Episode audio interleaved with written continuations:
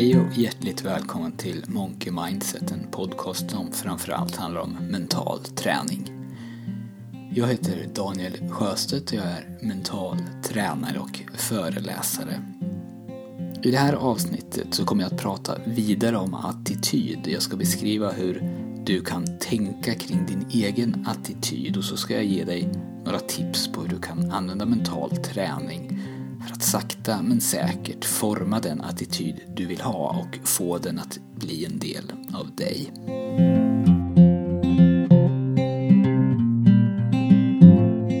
Den bästa bok som jag har läst om attityd den heter Frågor för förändring och den är skriven av John G. Miller. När jag kollar nätbokhandlarna så verkar den inte längre finnas på svenska. Den är utsåld på förlaget vad jag kan se, men den finns på engelska och då heter den QBQ, Question Behind the Question. Den är kort, drygt 100 sidor och den är lätt att förstå. Så om du vill veta mer om det jag kommer att prata om här så rekommenderar jag den. Mycket av det jag tar upp nu det grundar sig på den här boken, eller på min tolkning av boken snarare, för den handlar egentligen inte uttalat om attityd, utan den handlar främst om förändring.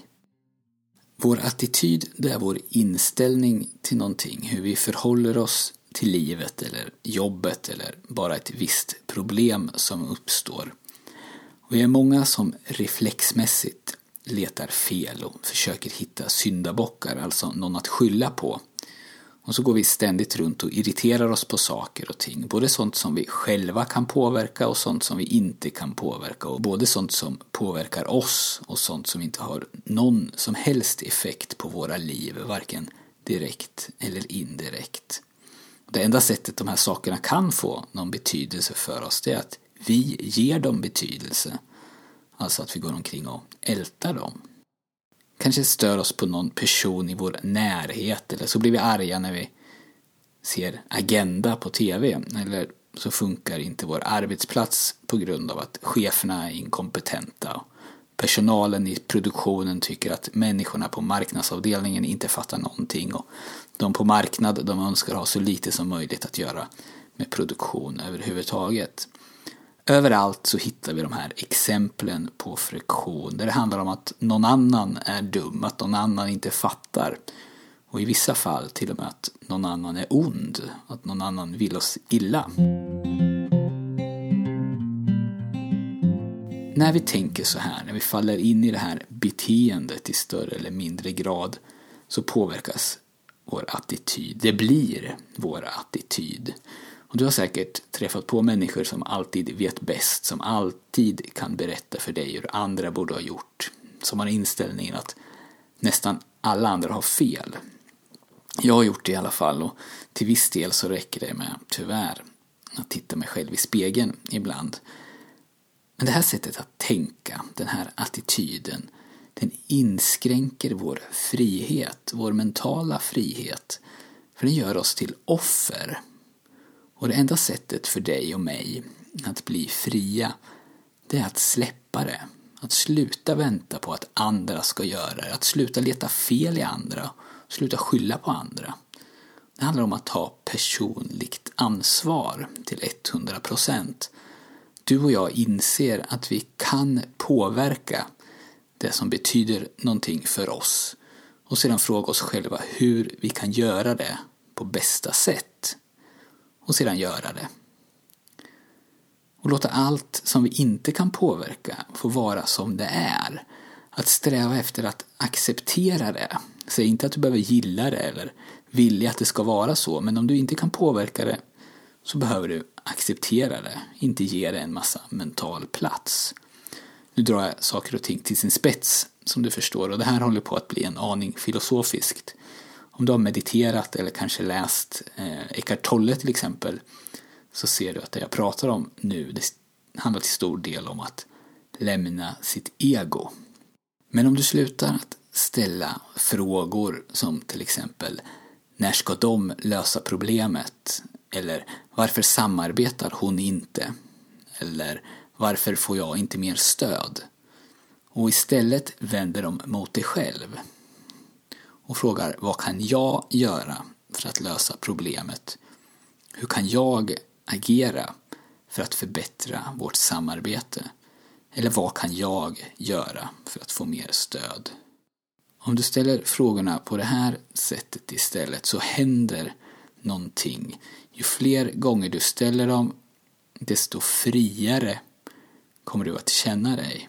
Och du kommer att känna dig friare eftersom att du tar makten över dig själv. Du kommer att uppleva att du har mer integritet. Alltså att du är den du säger att du är och att dina ord överensstämmer med dina handlingar. Det här innebär inte att du kommer att ta på dig att göra precis allt på jobbet. Det är inte det som jag pratar om här utan vi har alla begränsat med tid och energi så svaret på frågan vad kan jag göra för att lösa problemen? kan ju helt enkelt mynna ut i svaret jag kan påtala det för chefen och understryka hur viktigt det är för företaget att det blir löst. Och svaret kan ju också bli ingenting. Jag kan inte göra någonting. Och då vet du det och du kan påbörja arbetet med att acceptera det. Svaret kommer hur som helst aldrig att bli jag kan gå omkring och vara irriterad på det utan att säga något.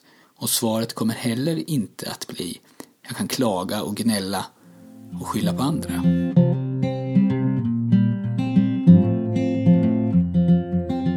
Har alla, tror jag, en tendens att tänka att ansvar och skuld hör ihop. Den som är ansvarig för någonting blir också den skyldige när det går fel. Och det här sättet att tänka, det håller oss tillbaka något enormt. Plötsligt blir det svårt att ta ansvar och det kan till och med innebära att vi i vissa situationer inte ens vill ta ansvar för delar av vårt egna liv. För att vi förknippar ansvar med skuld. Och skuld, det är någonting som vi verkligen inte vill ha. Men grejen är den att saker går alltid fel. Speciellt om du gör någonting som är svårt, eller värdefullt, eller som du inte har gjort förut. Och som driver utvecklingen framåt. Och om ingen vill ta på sig skuld så kommer ingen vilja ta ansvar och då blir till slut ingenting gjort. Då slutar du, eller ditt företag, att utvecklas. Så vad borde vi då göra åt det här? Jo, vi borde börja ignorera skuld. Eller snarare så borde vi börja jobba med att ignorera skuld, för det är otroligt svårt. Om alla kommer in i lunchrummet till exempel och någon har glömt mjölken ute från frukosten och jag såg att det var Magnus så är min första instinkt ofta att påpeka det inför alla andra. Var det inte du Magnus som hade mjölken sist? Speciellt om någon annan verkar tro att det var jag. Då nämner jag gärna att jag såg Magnus ha mjölken efter mig. Och om Magnus är som de flesta av oss så kommer han inte bara att lägga sig platt för den här beskyllningen. Utan han kommer, även om det var han som glömde mjölken, så kommer han att säga någonting i stil med Ja, det kanske jag gjorde, men jag trodde att Daniel skulle ställa tillbaka den. Det var ju han som tog ut den och den stod närmast hans plats.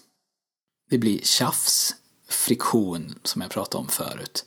För, i det här fallet då, en, en skitsak. Se om du kan börja hålla tillbaka den här instinkten att skylla på någon. Fråga dig själv om det är relevant, om det är konstruktivt att tala om inför alla vem som bar skulden för sur mjölk.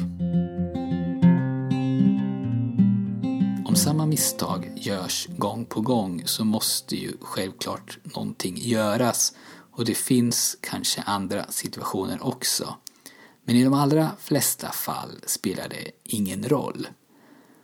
Och ju mer jag tänker på det här, desto färre tillfällen hittar jag där det är relevant och konstruktivt att leta skuld eller att skylla ifrån sig.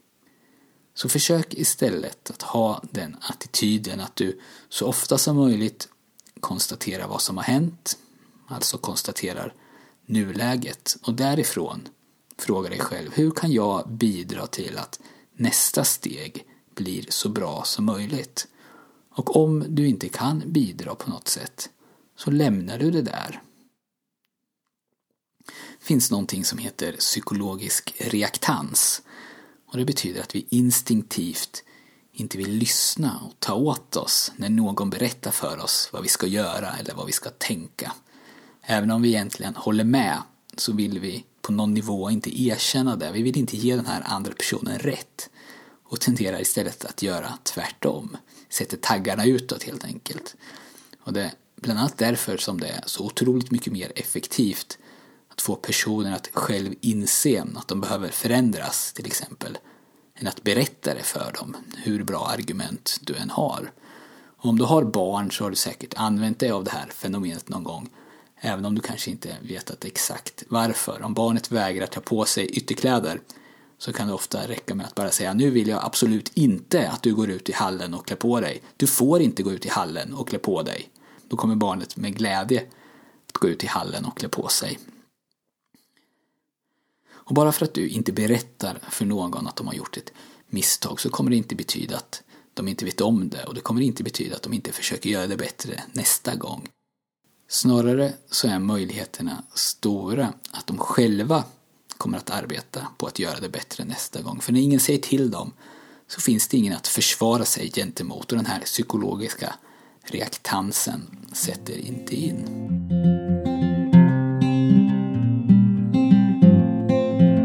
När vi har den här nya attityden som handlar om egenansvar så leder det till att vi accepterar varandra för dem vi är. Vi försöker inte hitta fel och vi försöker inte förändra andra till att tänka eller bli som vi, utan vi accepterar olikheter och vi arbetar för att så konstruktivt som möjligt komma framåt. Och om alla på ett företag eller en avdelning börjar tänka i de här banorna så ökar möjligheten att alla jobbar i samma riktning. Det finns inget att försvara inför varandra. Många av de här dolda strukturerna försvinner där man måste ha rätt eller där man försvara sitt revir.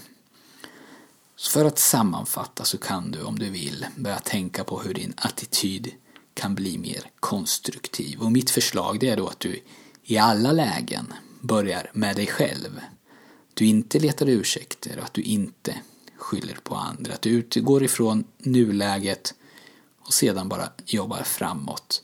Men det betyder ju inte att du tar på dig skulden för allt och det betyder inte att du blir en sån som andra trampar på och lämpar över en massa jobb på.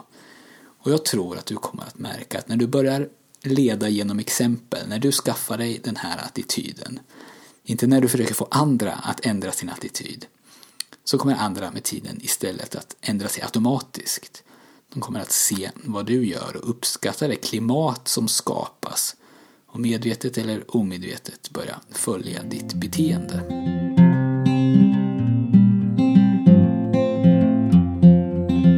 Hur kan du då träna på det här? Hur kan du göra det till en del av din mentala träning? Det handlar ju först och främst om att bli medveten i vardagen och det bästa sättet jag vet är att i efterhand börja skriva ner tillfällen där du med lite perspektiv inser att du reagerade instinktivt och försökte hitta ursäkter eller skylla ifrån det. Att skriva ner till exempel fem saker varje kväll. Det kan handla om precis allt, från ett försenat projekt på jobbet till att makaronerna kokar över och du säger Vem har satt på tvn så högt? Jag hör ju inte när de kokar. Om du börjar med att försöka identifiera de här situationerna i efterhand så kommer du efter ett tag att kunna bli medveten om dem även i stunden. Det är då du kan börja förändras.